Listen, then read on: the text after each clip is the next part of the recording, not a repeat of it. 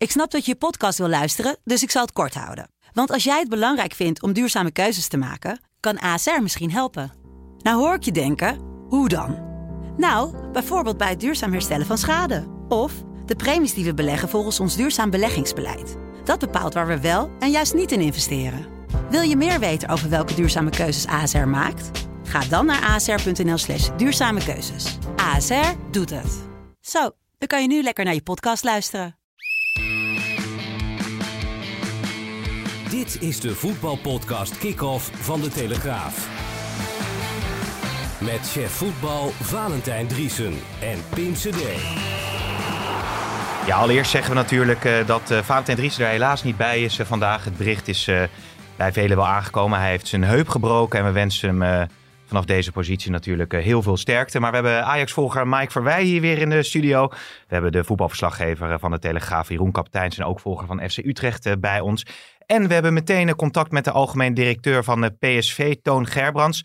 Meneer Gerbrands, fijn dat we u even in de uitzending uh, kunnen spreken. Ja, heel goed. Ja, allereerst vroeg ik me even af, meneer Gerbrands. Ik val misschien een beetje met de deur in huis, maar het is natuurlijk duidelijk dat u uh, heeft uh, gepleit voor een loonoffer van spelers. Zijn de spelers van PSV al bereid om loon in te leveren? Nou, we hebben, moet ik goed zeggen, drie gesprekken met ze gehad hierover. We zijn zelf als eerste begonnen met hun dat ons probleem met hun te bespreken. En uh, nou, het is zo dat uh, we hebben afgelopen week afgesproken dat er even zou wachten een paar dagen op de VVCS. Mm Die heeft gisteren uh, volgens mij gesproken met, met de vakbonden, de FBO.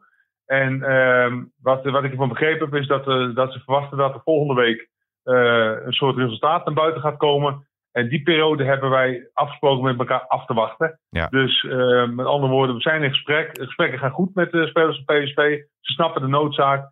Maar ja, een klein beetje solidariteit. Ja, het is een, misschien een apart woord in onze wereld. Maar hebben we toch maar uh, hoe het, uh, besloten op die manier te doen. Ja, en um, overigens gaan ook zo Jeroen Kapteins en Mike Verwij u even wat vragen stellen. Maar wat ik mij nog afvroeg, want u heeft zelf een offer van 20% gedaan, als ik het goed heb, om de club ook te steunen en een signaal af te geven.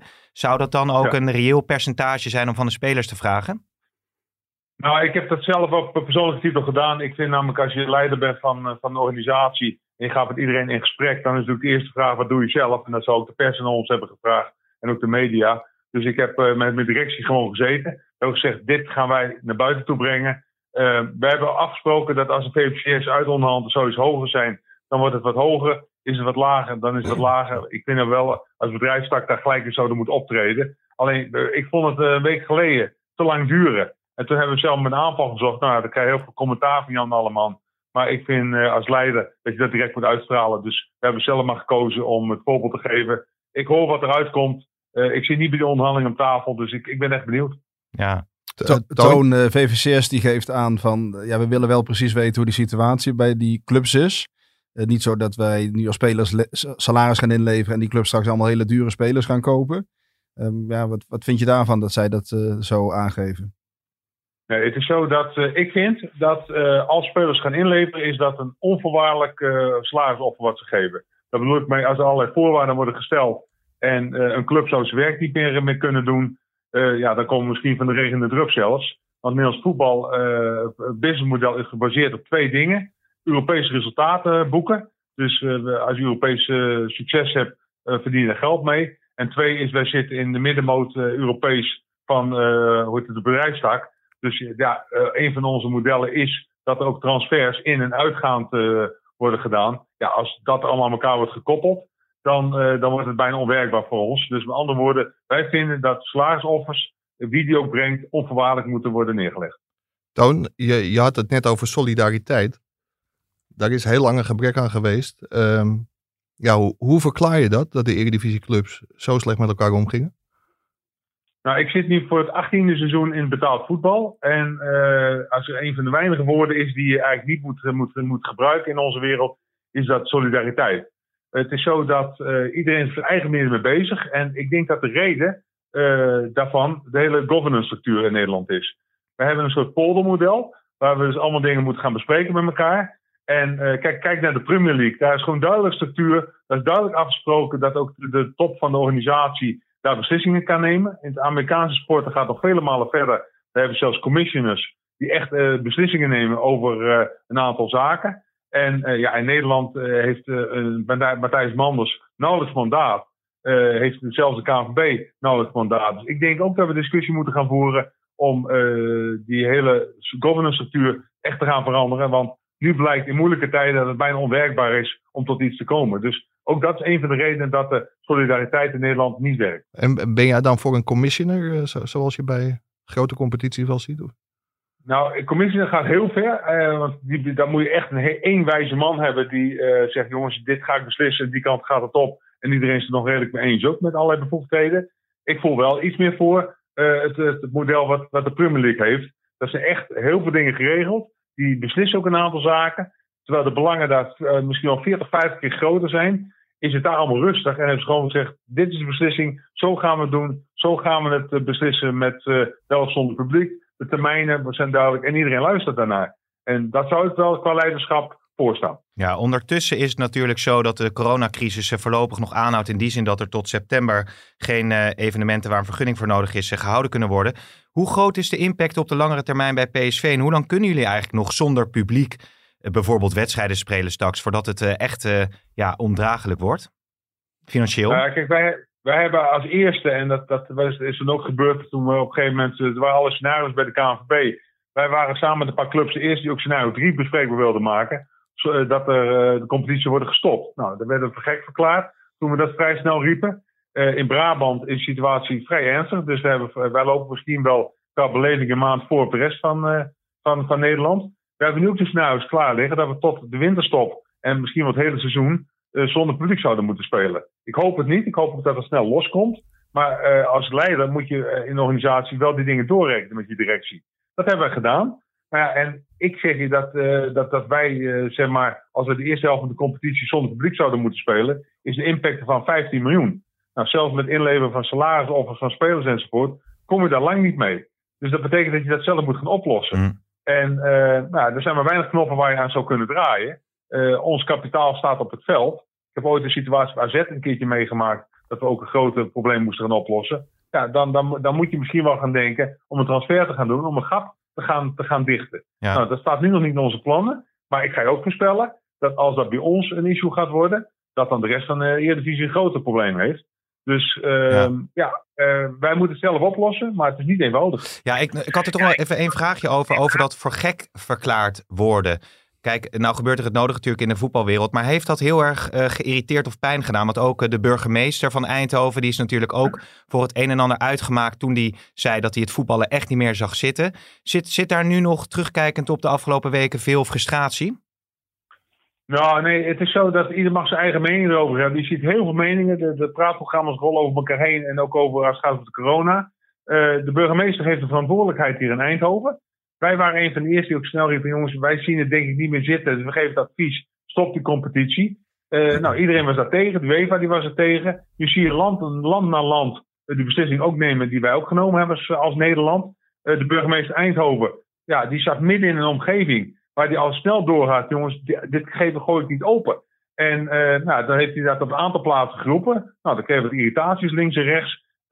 Ja, ik, ik snapte hem wel een beetje over wat hier allemaal gaande was en hoe dat in elkaar stak. En nu zie je de rest van dat overnemen. Dus wat ik vertelde, ja, wij, wij waren misschien iets eerder aan, aan de beurt met alles. En daar hebben we ook iets eerder een andere beleving op hadden. Voor gek verklaard, maar uh, gelijk gekregen. Nog één vraag van Mike. Uh, Toon, uh, Cambuur en de Graafschap die proberen hun gelijk te halen en alsnog te promoveren. Hoe, hoe staat PSV tegenover in de Eredivisie met 20 club? Nou, wij, hebben, uh, wij zijn vanaf moment één heel duidelijk geweest. Wij, wij vinden het was een bevoegdheid van de KNVB om dat te regelen. We hebben ook niet gestemd, dus we hebben ook niet neutraal gestemd, we hebben gewoon niet gestemd. We hebben gewoon gezegd, wij gaan hier dat besluit van hun niet aanvechten en zij moeten een beslissing nemen. Ze hebben toen gekozen om iedereen te laten meepraten. Nou, dat is achteraf bekeken, op zijn zacht gezegd, als eufemisme onhandig uh, gebleken. Ja, iedere club heeft het recht om zelf te doen wat hij wil. Um, wat eruit komt, komt eruit. Wij gaan ook daar geen mening over vormen. Niet over 20, niet over 18. De KNVB moet besluiten. Daar ligt het. En anders hadden ze moeten zeggen, we gaan stemmen. En de meerderheid, uh, die, die, daar gaat het worden. Daar hebben we standpunt kunnen innemen. Ja. Nu niet. Dus, ja. dus, iedereen gaat zijn eigen recht behalen. Ja, duidelijk, duidelijk. Uh, Jeroen Kapteins is ja, eigenlijk voor het eerst in deze podcast. En die zei heel lief nog eentje. Nou, vooruit dan maar. Hoe mag je nog één vraag stellen aan Toon Gerbrandt? En dat is hem dan hoor, En dat is hem dan, ja. En Tony, je zegt, uh, we moeten misschien een speler gaan verkopen om een gat uh, te dichten van de zomer. Maar wat betekent dat nu eigenlijk voor je transferplannen? Want je weet het voorlopig niet of je een gat te dichten hebt of uh, hoe groot dat gat gaat zijn. En wat kun je nu ja. op de transfermarkt, ook om een selectie samen te stellen voor de nieuwe trainer Roger Smit? Ja, nou dat is, dat, is, dat, is een, dat is inderdaad een hele goede vraag. Want het is inderdaad zo dat um, hoe het op dit moment het nog niet helemaal zeker is hoe de transfermarkt zich gaat uh, ontwikkelen. Ook de datum van de transfermarkt weten we niet. Wanneer gaat die open en hoe lang gaat die open en wat zijn de effecten ervan. Dus wij werken met scenario's. En in die scenario's zitten gewoon ontwikkelingen. Uh, ja, er zit ook gewoon transfer in. Uh, gaan er mensen weg? Gaan er niet mensen weg? op welk moment gaan ze weg? Dus we houden echt wel rekening met een, met een transfermarkt. Maar wanneer die open gaat, hoe die open gaat, wat de effecten zijn van in- en verkoop, geen idee. Ja. Dus, dus ik weet niet het antwoord, maar wel de scenario's. Ja, meneer Gerbrands, dankjewel. Nou hebben we altijd, ik weet niet of u een trouw luisteraar van onze podcast bent, maar we hebben altijd de stellingen. En zometeen heb ik voor Mike en Jeroen een stelling, maar ik dacht nu ik u toch spreek, kan ik u deze ook even voorleggen als toetje. Je mag met ja of nee antwoorden. De nieuwe coach Smit gaat PSV komend seizoen de titel bezorgen. Uh, als ik hem met ja of nee moet beantwoorden, is het antwoord ja. Oké, okay, duidelijk. Meneer Gerbrands, ja, heel veel succes in, uh, in deze, deze gekke tijd. En uh, ja, we hopen dat we snel weer contact hebben gewoon om over uh, voetbal te praten. En dat het allemaal weer de goede kant op gaat. Dank u wel. Over die stelling zijn we het allemaal eens. Zo is het. Dankjewel, Toon. Dag. Al dus uh, algemeen directeur van PSV, Toon Gerbrands. Jeroen, wat viel je op? Nou, ik denk dat hij wel wat uh, stevige uitspraken doet over hoe groot uh, de impact kan zijn van het corona gebeuren. En dan met name het spelen zonder publiek. En dat er uh, wellicht een belangrijke speler, sterspelers verkocht moeten worden om dat gat op te vullen. Ja, dat ja. is natuurlijk best wel een, uh, een pittige uitspraak. En ik denk dat de, de, supporters daar ook wel enigszins van zullen schrikken van PSV. Maar zo hoog uh, kan de nood uh, oplopen als ja. straks blijkt dat een half seizoen of een heel seizoen zonder publiek gespeeld En als je dan meteen aan de poppetjes denkt, welke spelers zouden ze dan laten gaan? Ja, daar, daar heb ik geen idee over. Wat, wat ik het meest opvallend vond, is dat hij zegt van als wij in de problemen komen, dan zijn er waarschijnlijk veel meer clubs in de Eredivisie die in de problemen komen. Dus ja. ja, dat de situatie nijpend is in Nederland, dat, dat mag duidelijk zijn. Ja, dat is uh, zeker duidelijk. Hij zei ook dat hij inderdaad uh, ja, voor gek werd uh, verklaard toen hij in een heel vroeg stadium al zei dat de competitie uitgespeeld of niet uitgespeeld moest worden. Hij zei ook dat hij al pleitte voor allerlei nieuwe structuren. Wat dat betreft liep hij eigenlijk een beetje voor de muziek uit en liep de voetbalwereld er een beetje achteraan. Hè? Ja, met Mark Overmars voorop. En daar sloten AZ en PSV zich natuurlijk onmiddellijk, onmiddellijk bij aan. En ik denk dat die clubs het toch wel heel goed hebben gezien. En het blijft een raadsel waarom de KNVB zo lang heeft gewacht. Want pas een week voor de vergadering is er besloten om ook scenario 3 uit te werken. Ja, het lijkt me toch als clubs als AZ, PSV en Ajax willen stoppen. Dat je als KNVB best uh, scenario 3 kunt uitwerken. Ja. Daar zou het dan wel eens op kunnen uitdraaien. Ja, duidelijk. We zitten inmiddels al een tijdje zonder voetbal. Maar elke vrijdag is er genoeg uh, nieuws te bespreken, Mike en Jeroen. Je hebt je laptop hierbij. Er is net een verhaal volgens mij van jullie hand verschenen. We hebben net nog zitten tikken. We hadden contact uh, met de advocaten van FC Utrecht. En vandaag leek een hele sombere dag voor FC Utrecht te worden. Omdat er een brief, een guideline van de UEFA kwam. Waarin werd gesteld dat de KNVB het goed had gedaan. Als de bekerfinale niet wordt gespeeld. Dan mag het ticket vergeven worden op basis van de ranglijst. Maar FC Utrecht heeft een gesprek met de UEFA gevoerd. En ja, dat, dat was heel positief volgens de advocaten. En daar weet Jeroen ook meer van. Ja, ze zien toch nog allerlei aanknopingspunten. Ook op het vlak van de bekerfinale, maar ook uh, de competitie, waar ze een wedstrijd minder gespeeld hebben. En de KNVB heeft dan toch de eindstand als, als leidraad genomen. Er zijn natuurlijk twee punten waar Utrecht ja, denkt kans te maken. En ze willen toch ook via de UEFA eerst een gelijk proberen te halen. En kijken of ze toch alsnog een Europees ticket daar kunnen kunnen verkrijgen. Ja, maar we hebben hier vorige week ook uitgebreid over gesproken. En toen zei, was de stelling, of de stelling van uh, Mike, van jou, maar ook van Valentijn, van ja, bij de voorzieningenrechter maakt het eigenlijk weinig kans hè, als, uh, als de clubs Utrecht, Cambuur en de Graafschap ofwel willen promoveren of Europees voetbal uh, willen, willen afdwingen. Hoezo zou dat nu anders liggen? Ja, ze gaan niet naar de voorzieningenrechter. Nee, ze Tenminste, gaan het meteen Europees aanpakken. Ze, ze houden alle opties open, maar ze vinden, omdat het niet om degradatie of het kampioenschap gaat, maar dat het echt puur om Europees voetbal gaat, denken ze dat ze bij de UEFA moeten zijn. Mm -hmm. Dat is ook de reden waarom ze een gesprek hebben aangevraagd met de, met UEFA. Of eigenlijk de UEFA een gesprek met FC Utrecht. En daar halen ze hele positieve signalen uit. En het grappige is ook wel dat die Frans de, de Weger, die Utrecht in de arm heeft genomen, die eerst ADO Den Haag zou, zou gaan vertegenwoordigen. Maar dat bleek niet nodig. Ja, die heeft contacten. Die is volgens mij ook arbiter bij het KAS.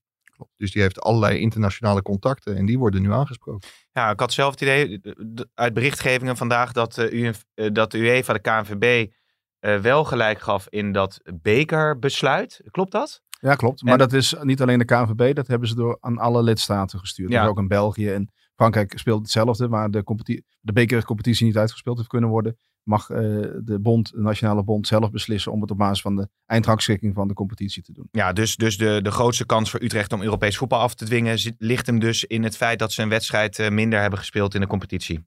Nee, Utrecht heeft ook nog de hoop dat er. Ze zeggen dat er. eh, dan moet ik even kijken hoe ze dat precies hebben gezegd. Maar ook dat er ruimte is. Zeg maar in het besluit rond de bekerfinale. Oké, toch wel nog. In Frankrijk hebben ze ook de beslissing genomen. Ze hebben het over de Franse Erik Gudde. Die heeft alles bepaald. Dus de kampioen, de degradanten en de tickets voor Europees voetbal. Maar de finale van de Franse beker wordt in principe in augustus nog gespeeld. Dus Utrecht zegt van ja, daar zit ruimte. Ja. Want dat betekent misschien dat wij hem in september wel kunnen voetballen. Ja, nou dat wordt eh, ongetwijfeld eh, vervolgd eh, dit. Laten we om in een beetje het ritme van de uitzending te blijven eh, de stellingen doen. Toon gaf al een voorzetje, maar eh, voor jullie eh, heren. Spelers van alle eredivisieclubs moeten salaris inleveren om een club te steunen. Eens. Ja, lijkt mij een heel goede zaak. Nou, het is, het is ja, Jeroen is nieuw leuk is dat. Het is eens of ons eens. Ja, maar jij, jij liet Toon, nee, maar jij liet Toon ook ja of nee zeggen. Dus ik, Nou, inderdaad, ja. Potverdorie, moet ik toch beter opletten. Nou, om gedoe te voorkomen, moet je Cambuur en de Graafschap alsnog laten promoveren. Oneens. Ja, dat is wel duidelijk wat jij ervan vindt. ja, ik, ik ben, ik zeg eens. Ja, Maar ja. dat is niet vanwege alle ophef van de afgelopen dagen. Dat is om, mag ik hem al toelichten? Of ja, moeten, we- nou, moeten we dat, maar, nou, maar. Nu is het toch een beetje een andere uitzending. Precies. Ja, omdat ik vanaf het begin voorstander van 20 ploegen in de Eredivisie ben geweest. Maar, maar niet vanwege al het, eh, al het gehuil in, eh, in Leeuwarden en Doetinchem. Oké, Ajax moet Sillis aantrekken als opvolger van Onana. Als hij vertrekt. Ja, dat is wel een hele goede toevoeging. Eh, eens. Jeroen? Eens. Eens. Feyenoord moet uh, Eutjekoep eh, volgend seizoen eh, behouden. Gehuurd van Besiktas. Eh, Eens. eens. Twente wordt nooit meer kampioen van Nederland. Het was tien jaar geleden hè, dat ze kampioen werden. Jeroen? Eens. Ja. Ja, Eh, in, in onze levens, laat ik dat al zeggen. ja. Hè? Dan, dan, dan is het eens. Oké. En eh, de nieuwe coach Smit, we vroegen het al aan Toon Gerbrands, gaat PSV komend seizoen de titel bezorgen. Oneens. Oneens. Oké. Overigens, wat, wat ik nog helemaal niet besproken heb, wat natuurlijk wel relevant is, want de spelers zijn weer begonnen met eh, trainen.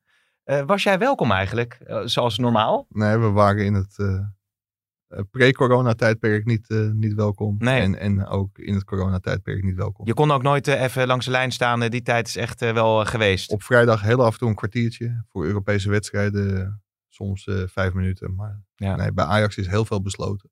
En, en kun je wel een beeld schetsen eh, wat je hebt gehoord, eh, hoe die trainingen eraan toe gaan nu bij, eh, bij Ajax? Nou ja, Ajax heeft een hele goede mediaafdeling. En da- daar was wel te zien hoe dat aan toe ging. Ze liepen met handschoentjes en keurig op anderhalve meter van elkaar. Maar Ja. je, je proefde wel dat iedereen heel blij was om weer op het veld te staan. Toch heel anders dan thuis op een veldje lopen. En eh, allerlei krachtoefeningen in je eigen slaapkamer doen. Dus dit, eh, ja, de spelers waren wel heel blij dat ze weer met elkaar aan de slag konden. Ja, ik zit te denken voor de Braziliaanse spelers is dat eigenlijk gewoon eh, hè, gebruikelijk om... eh, nou, ja, het is niet zo koud, maar die spelen wel vaker met handschoentjes. Ja, maar dat zijn andere handschoentjes. ja dat, zijn, dat zijn andere handschoentjes. Maar met echt voetbaltraining heeft het natuurlijk niet heel veel te maken. Ja, je kan techniek trainen, je kan conditie trainen, maar je kan niet echt voetbal trainen natuurlijk. Als jij Nee. niet duels kan spelen, niet, hè, dus de partijvormen en dat soort zaken, dat is allemaal nog voorlopig niet mogelijk. Dus het is puur conditioneel en eh, ja, een beetje de techniek onderhouden en eh, that's it. Maar Ja, wat wel heel erg opval, of wat ik opvallend vond. Ik stelde de vraag van, zijn de spelers getest? En toen eh, kreeg ik als antwoord, eh, in ieder geval niet op corona. Dus ze krijgen allerlei testen, fitheidstesten, noem maar op. Maar je zou toch zeggen, als je op een gegeven moment weer gaat trainen, dat je misschien ook wel spelers moet gaan Ja. testen. Maar dat zal in de volgende fase zijn. Als er misschien weer echte groepstrainingen gaan plaatsvinden, dan zullen die spelers wel getest worden. Op dit moment is daar bij Ajax geen, eh, geen sprake van. Ja, Nee. Wat ze voor de break al deden, voor de lockdown al deden, is de temperatuur eh, opmeten meerdere keren per dag bij alle spelers. Ja. Dus ik vermoed dat ze dat wel weer opgepakt hebben. Ja, maar bijvoorbeeld in Italië, nou, er zijn natuurlijk ook meerdere spelers eh, daar, eh, onder andere van Juventus, eh, die eh, positief hebben getest op corona. Zou je toch zeggen dat het niet zo raar is om het wel te doen, toch? Ja, mi- misschien eh, voor een stukje eh, ja, gevoel. Hm. Ik kan me toch voorstellen als jij kinderen thuis hebt, dat je het ook wel heel prettig vindt om te weten dat er niemand in de, in de selectie of de staf positief getest is. Ja. Maar ja, anders loop je toch het risico misschien dat je, dat je met het virus thuis komt. Al is die kans nu zo op anderhalve meter eh, trainen natuurlijk niet heel. Ja, en eh, hoe zit het eigenlijk met eh, Hakim Ziyech? Want die wordt wel weer gewoon op het trainingsveld verwacht, toch? Voordat die naar Chelsea gaat. Zeker, de enige speler die er niet is, dat is Edson Alvarez. De, ja, Mexico is nog open voor vliegverkeer. KLM vliegt nog op Mexico. Die is eh, die kant op gegaan met zijn vriendin en dochtertje. Oh, Die heeft een korte vakantie en die komt binnenkort weer terug. Ook de Argentijnen zouden mogen, alleen het is niet mogelijk om naar Argentinië te vliegen. nee. Komende vier maanden niet, hè, Dus, zelfs. dus die trainen gewoon door. Maar Edson Alvarez die is eh, naar Mexico om zijn ouders te kunnen zien. Hey, en Jeroen, eh, jij volgt eigenlijk meerdere clubs ook voor Telesport. Zijn er nog opmerkelijke berichten die jij hebt vernomen van andere clubs? Hoe zij met deze coronacrisis nu omgaan? Nou, je ziet overal een beetje hetzelfde. Hè? Dus je RKC, dan zag je de medicijnballen op het veld en, en eh, een soort krachttraining op het veld. En ja, eh, wat ik al zeg, het is niet echt voetbaltraining. Het is allemaal een beetje, een beetje je on- eh, conditie onderhouden, een beetje de krachttraining en dat soort zaken. En, Ja. Beetje het is, voetvollen. Ja, dat kan ook natuurlijk. net Ja. tussen. Ja, ja, precies. Over Twente gesproken, eh, Jeroen. Dat is ook een club die jij natuurlijk veel hebt eh, gevolgd. Dat, wat is daar nou allemaal gaande? Want de technisch directeur Ted van Leeuwen die, eh, die gaat weg. Eh, Gonzalo Garcia, de coach, eh, de trainer, die gaat weg. Ja. Veel spelers gaan geloof ik ook weg. Ja. Wat is er daar precies aan de hand? Nou ja, Ted van Leeuwen, dat is de technisch directeur daar geweest de afgelopen twee seizoenen. Dat is toch een hele ja, man die bepaalde lijn uitzet, heel individualistisch werkt, een bepaalde voorkeur heeft voor, voor, voor spelers, voornamelijk uit Zuid-Euro- Zuid-Europa. En eh, ja, dat beleid, er was toch heel veel kritiek op in de club. En, ehm, men vindt eh, dat met het budget wat er gedaan is, dat er toch niet de selectie stond waar ze echt mee vooruit konden. Dus er is een stroming in de club gekomen om eh, afscheid te nemen van Ted van Leeuwen. En nou, Garcia was door Ted van Leeuwen aangesteld. Dit was zijn eerste club als hoofdtrainer. Dus dat eh, is eh, dan eh, logisch ook dat eh, die ook vertrekt. En die spelers, die contracten lopen af. Dan zou je normaal zeggen, dat li- klinkt vrij alarmerend. Maar in deze situatie, waar we net ook hadden met Toon Gerbrands, met corona is het eigenlijk ook een zegen. Want je zit niet allemaal vast aan loonkosten voor komend seizoen. En je Hmm. kan waarschijnlijk voor veel minder geld een nieuwe selectie neer gaan zetten. Waardoor je eh, eh, beter kan inspelen op eh, het, het gebrek aan inkomsten. Wat Ja, maar aan de andere kant raak je spelers ook weer moeilijker kwijt. Als je er vanaf wil misschien alsnog een contract hebben voor 1, 2 jaar. Ja, maar da- daarom is het heel gunstig dat de FC Twente zoveel aflopende contracten heeft. Ja. En huurspelers. Met name voor clubs die spelers hebben waar. Kijk, ze- als je spelers hebt die je per se wil houden, dan is dat niet zo gunstig natuurlijk. Maar ze hebben natuurlijk een categorie spelers, eh, ja, wat niet zo dramatisch is als ze vertrekken. Nee. En ze kunnen voor minder geld een nieuwe selectie neerzetten. En zo kunnen ze meteen al een beetje inspelen op eh, ja, het geld wat ze tekort gaan komen. Ja, dat is een interessant punt wat jij aanhaalt. Als je hebt voor, voor welke club komt die coronacrisis op een bepaalde manier misschien ook wat beter uit. Nou zeg je, Twente kan echt schoon schip gaan, eh, gaan maken. Nieuwe selectie samenstellen, nieuwe, nieuwe coach, nieuwe technisch directeur. Als je nou naar Ajax kijkt, zou je de positie dan eh, gunstig of ongunstig eh, beschrijven? Want misschien gaan er bijvoorbeeld wat minder spelers weg. Ja, dat is heel gunstig. Maar als een deel van je begroting ook gebaseerd is op verkopen, dan is dat weer ongunstig. Dan heeft Ajax wel het voordeel dat ze Hakim Ziyech voor een hele mooie prijs hebben verkocht. Maar ze zullen ook wel heel blij zijn dat ze Frenkie de Jong en Matthijs de Ligt vorig jaar voor zulke bedragen eh, Hm. hebben kunnen slijten. Want dat zijn bedragen die je volgens mij de komende jaren wel, wel kunt vergeten. En dat, Ja. dat geldt voor PSV natuurlijk ook met Bergwijn die in de winter verkocht is. En Ja. dat, eh, als ze daar gegokt hadden, die koop verkopen in de zomer wel voor iets meer. Maar dan waren ze waarschijnlijk Nou. gewoon een koude kermis eh, thuis gekomen. Inderdaad, ja. En als je dan eh, over Ajax eh, hebt... eh, nou ja, afgelopen week kwam natuurlijk in het nieuws dat, eh, dat er aan Onana getrokken wordt door Barcelona. Ehm, ja, hoe daar dan mee om te gaan? Want je krijgt daar waarschijnlijk niet het bedrag voor wat die, wat die waard is. Nee, dat, er werd op een gegeven moment al over 40, 50 miljoen gesproken. Ja, bij Ajax zijn ze ook wel eh, tot de realiteitszin gekomen. En ik denk als ze 25 tot 30 miljoen krijgen, dat ze echt de handen dicht mogen knijpen. Want ze, ze hebben Onana ook voor 3 ton opleidingskosten kunnen aantrekken. Maar Barcelona bijvoorbeeld wil hem heel graag hebben, maar die zijn niet in staat om zo'n bedrag te be- betalen. Er worden dan drie spelers in, in ruil voor aangeboden om, om het met gesloten beurzen te doen. Maar daar gaat Ajax normaal gesproken geen genoeg eh mee want nemen. het gaat dan om andere keepers van eh, Barcelona. Ook Neto. wel een ervaren keeper inderdaad, Neto erbij. Maar zouden ze liever dan op Sillissen inzetten? Staat hij ervoor open eigenlijk? Weet dat, je dat? weet ik niet, weet ik niet. Silas heeft natuurlijk na zijn blessure, heeft hij zijn, basisplaats uiteindelijk weer, eh, weer heroverd. En ja, ik denk dat Silas zo ontzettend veel verdient. Aan de andere kant, er komt een EK aan. Hij gaat alles spelen bij Ajax, als Onana vertrekt. En dat is toch ook wel een hele prettige wetenschap, denk ik. Met het oog op het EK. Ik, ja, als ik Overmars was, zou ik zeker een poging wagen. Maar waarbij wel aangetekend dat Onana wel heel erg graag weg wil. Maar Chelsea, even verlengd met Kepa. Chelsea was heel erg geïnteresseerd. Waren ontevreden over hun eigen keeper. Tottenham Hotspur was heel serieus. Maar ja, die gaan waarschijnlijk toch een jaartje door met Loris. AC Milan zit op het vinkentouw voor als ze Donnarumma kwijt, eh, kwijtraken. Mhm. Aan Paris Saint-Germain. Paris Saint-Germain is geïnteresseerd. Je zou zeggen, als Onana het geduld heeft om nog een jaar te wachten. Dan komt hij waarschijnlijk bij een mooiere club terecht voor een hogere transfersom. Wat voor een speler ook weer heel interessant is. Ja. Maar ja, ik weet niet of hij het geduld heeft. Maar ik weet ook niet of er een club komt die het bedrag wil betalen wat Ajax wil hebben. Want als dat niet gebeurt. Overmars heeft natuurlijk alle recht om te zeggen. Onana is veel te belangrijk voor dit elftal. Ja, al heb je misschien wel eh, dat er natuurlijk mondelinge afspraken zijn gemaakt met we houden je nog een jaar bij Ajax. En als dan een scenario zich voordoet waarbij je weg kan gaan, dat je dan ook niet te... Ja, maar zo'n afspraak betekent niet dat je hem dan ver onder de prijs moet eh, verkopen. Nee, Dit is natuurlijk een unieke situatie. Dit had natuurlijk niemand kunnen voorzien toen je vorig jaar Nee. dit soort afspraken maakte. En dat ligt natuurlijk ook heel erg aan hoe het in die landen die nog uit willen voetballen, en die daar waar heel veel geld mee gemoeid is, hoe dat gaat eh, ontwikkelen. Ja, Als. Engeland niet uit kan voetballen eh, en, en ze krijgen die miljoenen niet waar ze nu op rekenen, ja, dan heeft dat ook impact op wat ze wel of niet nog kunnen doen op de transfermarkt. Eh, En dat zal ook een Ja. heel groot verschil maken de komende het tijd. was ook op, zeg maar, na die vraag van Jeroen.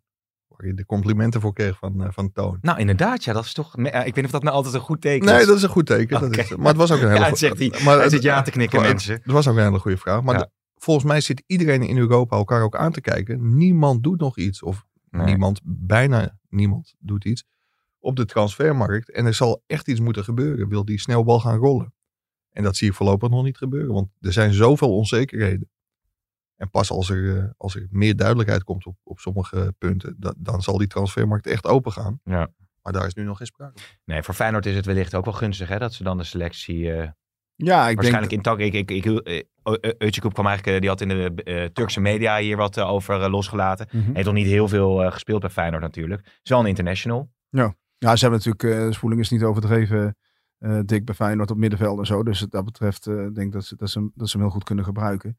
Ja, een advocaat had bepaalde wensen. eh, maar een, van zijn belangrijke wensen was natuurlijk ook die goed bij elkaar houden. En dat ziet er dan wel goed uit natuurlijk. Want eh, Ja. ja, er zal wellicht niet zo heel veel eh, eh, activiteit zijn op de transfermarkt. En lukt het makkelijk om je goed bij elkaar te houden. Nee, nee, nee, Ik- precies. Ik, ik vond het wel heel mooi dat Toon Gerbrands, die creëerde wel even voor zichzelf de ruimte om wel die transfermarkt op te gaan. Want hij zei ook dat salaris inleveren, nou, dat het onvoorwaardelijk is. Dus alle mensen die roepen van, eh, ook over staatssteun, van dat kan wel als de clubs niet meer kopen. En eh, de spelers moeten inleveren. Ja, dat houdt niet in dat je niet de transfermarkt op kunt gaan. dat was, Maar, maar dat is natuurlijk voor het publiek wel heel erg gevoelig. Kan Ajax zeg maar staatssteun krijgen? Dus dat de overheid misschien op een gegeven moment wel beslist van er gaat een klap geld naar het voetbal toe. En dan, dan opeens een, eh, een linksback voor eh, 10 miljoen halen. Ja, Ja. dat, dat is toch moeilijk. Ja. ja, zou het? dat lijkt me moeilijk. Ja. Of kun jij dat verkopen? Nou ja, ik denk dat fans gewoon de beste spelers eh in de fan- de fans eh, wel. willen zien. de fans ja, dat is natuurlijk niet heel Nederland. Er zijn ook mensen die niet eh, van voetbal houden. Ja, dat is een interessant punt. Maar en het zou ook zover kunnen komen hè, dat, dat de overheid toch moet bijspringen om het betaald voetbal overeind te houden. Ja, maar bij PSV is het dus in ieder geval zo. Als de spelers inleveren, dan is het niet zo dat er geen speler wordt gekocht. Nee, dat, Ja, Kijk, kijk, dat is en- ook wel een duidelijk signaal, Mike. Want eh, eh, eh, VVCS, Levchenko, die had eigenlijk dat punt opgeworpen. Hè? Die zei van ja, het is niet zo dat we gewoon maar dat geld blind moeten inleveren en de clubs alles kunnen doen. Die onderhandelingen lopen nog. En Ja, dat- markeert wel duidelijk hoe die erin staat. Ja, maar, maar Levchenko zit daar voor de spelers. En in feite is het natuurlijk een heel kortzichtig standpunt van de VVCS. Want ook de spelers die dan 20% inleveren, die zijn natuurlijk wel gebaat bij een zo goed mogelijke selectie. ja. Dus die zullen aankopen ook gewoon toejuichen normaal gesproken. En ja, tenzij het een concurrent voor je eigen plekje is. Maar, ja, precies. maar in ja. principe zijn spelers die inleveren gewoon gebaat bij zo'n sterk mogelijk, mogelijke selectie. Want die willen allemaal kampioen worden. Ja, ja, ja. Nou, het is nu vrijdag 1 mei. Ja, volgende week vrijdag 8 mei. We kunnen in principe gewoon door met de podcast. Want 8 mei is ook de dag dat eh de Cambuur en de Graafschap eh, het kort geding hebben. eh, in Utrecht, eh, overigens. Ja, hoe gaat dat lopen? Is, Nou, ze hopen dat ze daar niet naartoe hoeven. Eh, de advocaat Dolph Segaar, die eh, sprak ik gisteren, die beide clubs vertegenwoordigt. Ja, Hij zegt, we, ja, ho- we hopen dat we daar eh, aan, aan ontkomen, zeg maar, dat we eerder tot een oplossing komen. En Ja. zij proberen dus een, een nieuwe algemene vergadering betaald voetbal uit te roepen. Daarvoor heb je weer vier clubs nodig. Nou, ze zijn al met z'n tweeën. Ze hebben bij Utrecht het licht opgestoken en Segaar geeft aan dat ze die vier clubs hebben om die nieuwe vergadering uit te roepen. En ze proberen op een nieuwe al- algemene vergadering betaald voetbal het wel voor elkaar te krijgen. Dat, ze toch naar de Eredivisie dat ze toch kunnen. naar de eredivisie kunnen. En dat er een eredivisie met 20 clubs komt. Maar En- daar hadden, daar hadden we het vorige week ook over gehad. En dan kom je weer op het punt dat ook de periodekampioenen... Weet je, wie heeft dan recht van spreken waarop? Want eh NAC en Volendam. Volendam, die zijn periodekampioen geworden. Ja, moet je daar... Die gaan dan misschien zeggen van ja, als, als ze de Graafschap en Cambuur eh, promoveren... Ja, wacht eens even, dan willen wij misschien ook nog wel Nou, eventjes... Kees Molenaar zit op Vinkentouw. Hij heeft ook aangegeven dat hij eh, juridische stappen eh, wil, wil, eh, wil Ja. En, eh, nee, dat klopt. Maar kijk, wat, wat wel eh, wat interessant is, is dat de eerste divisie was heel erg tegen die eredivisie met 20 clubs. En ze zijn om het lobbyen geweest. En dat er nu in de eerste divisie meer bereidheid is om daarover na te denken. Een aantal clubs is overstag om Ja, maar- in te stemmen met een eredivisie Maar in de 20 eerste clubs. divisie moet je gewoon een grote zak geld neerzetten. Dan is volgens mij Ja, elke club Dat overstag. is, eh, dat is inderdaad het wisselgeld waar uh, wel sprake van is. Maar men probeert via die weg, eh, liever eh, via die weg, eh, het voor elkaar te krijgen wat, wat ze willen dan via die Ja. rechten. Waarschijnlijk ook al, omdat die- wat hier eerder al te sprake is gekomen, dat het bij de voorzieningenrechten weinig kans maakt. De voorzieningenrechten waarschijnlijk aangeven, nou, lossen jullie dit samen maar op als, in, de, in de verenigingsstructuur. En, ehm, en eh, men probeert het toch eigenlijk eh, ja, via zo'n vergaderingen voor elkaar te krijgen. Dankzij deze podcast is trouwens wel duidelijk dat Cambuur en de Graafschap niet op de steun van, eh, van PSV hoeven te rekenen in de vergadering betaald voetbal volgens Nee. mij. Nee, dat is ook nog wel duidelijk, ja. PSV houdt zich, en dat dat vind ik op zich wel een heel chic standpunt hoor. Die, die zeggen van ja, daar gaan wij gewoon niet over. En ik wil zeggen, die houden zich afzijdig, maar ze stemmen gewoon niet mee. En dat is vorige keer denk ik verkeerd uitgelegd door Erik Gudde of verkeerd geïnterpreteerd door Erik Gudde. Maar ik vind dat wel een chic standpunt. En Gerbrand zegt terecht dat iedereen voor zijn eigen recht mag vechten. Ja. Maar PSV gaat zich daar niet in mengen. Nee, dat is, eh, dat is duidelijk. Ja, tot slot nog heel even over dat de salarisoffer. Nou, Toon Gerbrands die is daar eh, duidelijk in. Die heeft er ook al meerdere gesprekken over vervoerd, eh, gevoerd. Gaat dit in- inderdaad echt een, een trend worden dat je dat onder andere alle clubs in de Eredivisie gaat zien? Want je kunt ook zeggen, ja, sommige clubs hebben, hebben moeite om überhaupt... de spelers verdienen misschien ook niet zoveel. Moet je nou aan een linksback van RKC gaan vragen of die salaris inlevert? Ja, maar da- daarom... Oh, sorry. De VVCS die wil ook echt kijken, de eerste divisie waar de salarissen echt laag zijn. Waar Ja. sommige mensen bijna een soort, eh, net iets meer dan minimumloon verdienen. Dat die eh, buiten schot blijven. En, ehm, en dat er echt met staffels wordt gewerkt. eh, wie eh, hogere salarissen wel wat inleveren en, en, en de lage in salarissen niet. Daar wordt over gepraat. Maar Ja. dat, dat zou ook meer dan terecht zijn. Gewoon een gestaffelde korting. Als jij meer verdient dan zoveel ton, dat je de 20% en Nou, Ja. dat is nogal wat. Ja, dat Ja. is nogal wat. Ik Ja. hoop, ik hoop dat Paul Jans het niet hoort. Nee, is hier vast niet nodig, eh, Mike. Nee, we gaan dat eh, afwachten. ook niet met jouw salaris? Nou, ik heb al 50% ingeleverd. Jij nog niet, eh, Mike? nee, nog niet. Nee, ik verdien, ik verdien niet zoveel. Oké, oké, nou duidelijk. Ja, eh, heren, rest mij niets dan afscheid van jullie te nemen. We zien elkaar volgende week weer. Misschien wordt het trouwens al na, ben ik nog benieuwd naar. Ik zag er net even iets over voorbij komen over de, de, de na-corona tijdperk in stadions. Hoe dat er dan uit moet gaan zien. Wanneer gaan we weer voetballen en zit het dan half vol? Ja, ik, ik heb Henk Markering, directeur van de Arena, gesproken. Johan Cruijff Arena. Ja, hij zegt, die knoop is niet te ontwarren. Hij weet niet hoe hij het moet doen met anderhalve meter. Want je kunt best mensen anderhalve meter van elkaar zetten. Maar dan moet er een, eh, een meisje of een jongetje midden in de rij moet plassen. Ja, wat ga je dan doen? Hoe Ja. ga je het doen met de mensen het stadion in, het stadion uit? Dat is denk ik niet te doen. Nee. Dus het zal zonder publiek zijn. Of uiteindelijk hopelijk eh, snel weer met publiek. Maar de clubs, en dat, dat zei Toon Gerbrands denk ik ook heel terecht. Die zijn alle scenario's aan het, eh, aan het bestuderen en aan Ja. het uitwerken. Maar ik denk dat het voorlopig zonder publiek. Ik zit dat te denken, anderhalf meter afstand. En als dan je club scoort, dan mag je wel juichen. Maar dan moet je op je eigen stoeltje blijven zitten. Nee. Normaal eh, gaat het bier ook, weet je wel. En dat soort, dat, dat- denk daar alleen nou aan, joh. Nee, het is heel tegenstrijdig met, met, met de manier zoals we het voetbal eh, altijd hebben beleefd. En dat is Ja. natuurlijk het bizarre dat je tot en met 7 en 8 maart eh, eh, niet vermoedend iedereen in die stadions heeft gezeten. En dit is voor langere tijd is dit totaal niet meer aan de orde. Die, die, die, die, die werkelijkheid die we zoveel jaren hebben gekend, die is ineens even weg. En ja, voor hoe lang, dat, dat weet helemaal niemand. Ja, oké. Mike, bedankt. Ja, maar de, we hebben de lat hoog gelegd. We hadden vandaag Toon Gerbrand. Mooie gast. Ik weet niet wie we voor volgende week moeten proberen Ja, je kijkt te, mij aan. te laten inbellen. Ja, Re- regel het zou ik zeggen. Ik ga eens even kijken. Misschien dat Jeroen kan helpen. Jeroen, hoe vond je het? Ja, interessant. Leuk. Interessant, leuk. Oké. Goeie vraag had je in ieder geval. Nee, een Ja. geintje. Dankjewel eh Jeroen ook voor je komst en Mike natuurlijk. En eh, jullie bedankt voor het luisteren. Graag gedaan.